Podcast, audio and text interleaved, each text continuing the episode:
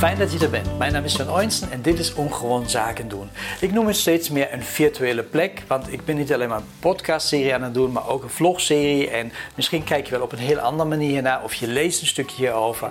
Het is een virtuele plek die bedoeld is om jou, als jij in ieder geval marketeer of marketingmanager of ondernemer bent, een klein beetje inspiratie te brengen. Want ik ervaar in mijn omgeving altijd dat er best wel wat vraagstukken zijn waarvan ook ik niet altijd het antwoord op heb, maar die me wel bezighouden. En deze vraagstukken, of een aantal daarvan, die probeer ik hier nou, zo onbevangen mogelijk met jou te delen. Zodat jij er iets mee kunt doen, iets, uh, zijn eigen gedachten erover kunt vormen. En vooral zodat je zaken kunt blijven doen zoals jij dat graag wil. En vandaag gaat het over mijn footprint die ik achterlaat. En dan bedoel ik niet de duurzaamheidsfootprint, want ja, dat is ook een onderwerp wat me wel bezighoudt. Maar nu gaat het echt over mijn digitale footprint. Dus voor mij betekent dat van hoeveel sporen laat ik eigenlijk waar achter. Ik heb daar altijd een hart-liefde verhouding mee. En waarom zeg ik dit? Nou, omdat ik natuurlijk weet dat als ik op een website ga, dan worden trackers, cookies en pixels en van alles aangezet om mijn online gedrag te volgen. En daar ben ik helemaal niet blij mee eigenlijk.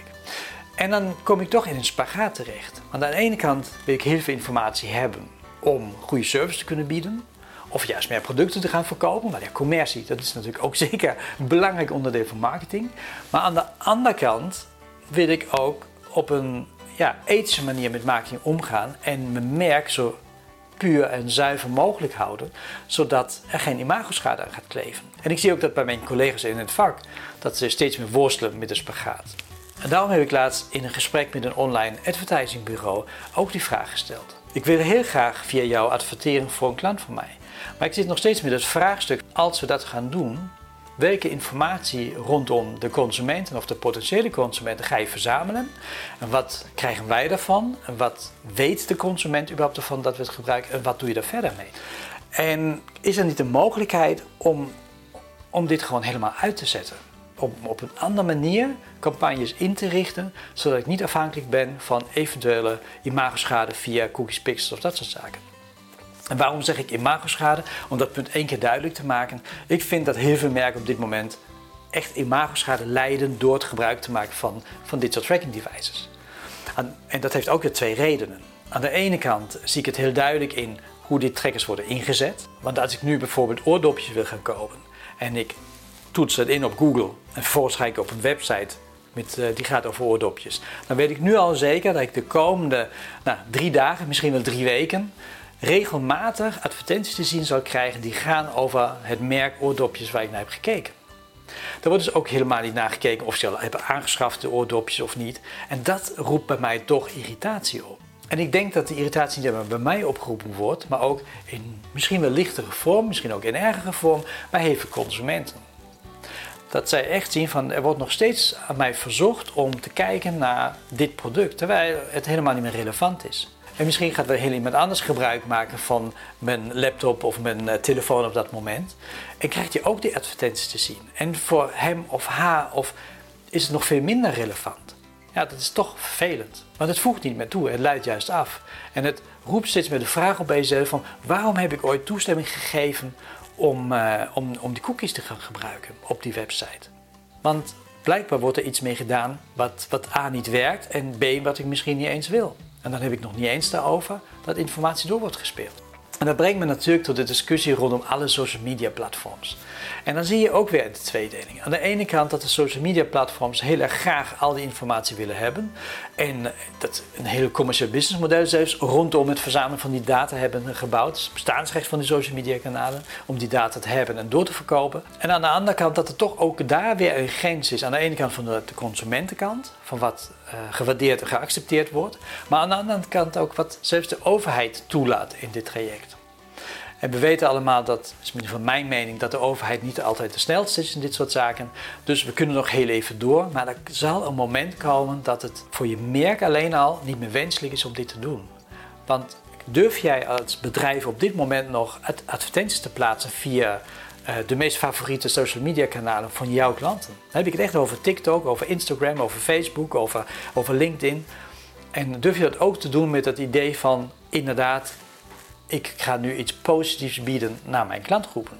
Of je hebt toch in je achterhoofd, ja, het is wel toch wel heel erg doorzichtig van, ja, massa is kassa. En, en, en de individuele wens van de consument is eigenlijk veel minder relevant. En als je in deze overweging zit, dan kan ik me heel goed voorstellen dat je op een gegeven moment heel bewust de keuze maakt om dat dus niet meer te doen. Of op een andere manier te doen. Maar dan wat? En dat is nou precies de vraag. Wat is nou het alternatief als het gaat om het bereiken van je doelgroep online uh, in plaats van het aanzetten van alle cookies en pixels? en tracking devices. En er zijn wat alternatieven uiteraard. Er wordt steeds vaker gesproken over um, contextuele content. Hè, en dat heel goed, goed, monitoren, maar dan op een minder individuele manier, maar meer algemene manier, traffic manier. Om te kijken naar van welke content doet het goed. En je kan natuurlijk met personas werken. En je kan de customer journey ook met personas zonder uh, individuele data steeds beter fine-tunen. En in bepaalde sectoren gebeurt ook steeds meer. Kijk bijvoorbeeld naar techbedrijven. Als je zelf in, in een techbedrijf werkt, dan heb je misschien al grotere kennis, maar daarvoor misschien ook een grotere mening over dit onderwerp. En ik ken in mijn persoonlijke omgeving genoeg techmensen, uh, maar ook andere mensen die hun browser al uh, niet meer gebruiken en een andere hebben gekozen, of juist bepaalde browserinstellingen hebben aangepast, of juist extra tools of programma's gebruiken om minder transparant te zijn op het web en minder transparant sporen achter te laten op het web. Niet omdat zij bang zijn voor de grote buitenwereld, maar meer omdat ze zeggen van het gaat over mijn persoonlijke data, mijn gedrag, die ik niet aan iedereen zomaar beschikbaar wil stellen. En als ik het beschikbaar stel, dan wil ik in ieder geval bewust doen of daadwerkelijk onderdeel uit laten maken van de transactie tussen mij en het bedrijf. Dat is toch best wel een grote omswong, of nou ja, beter gezegd omzwaai, gaande op dat vlak.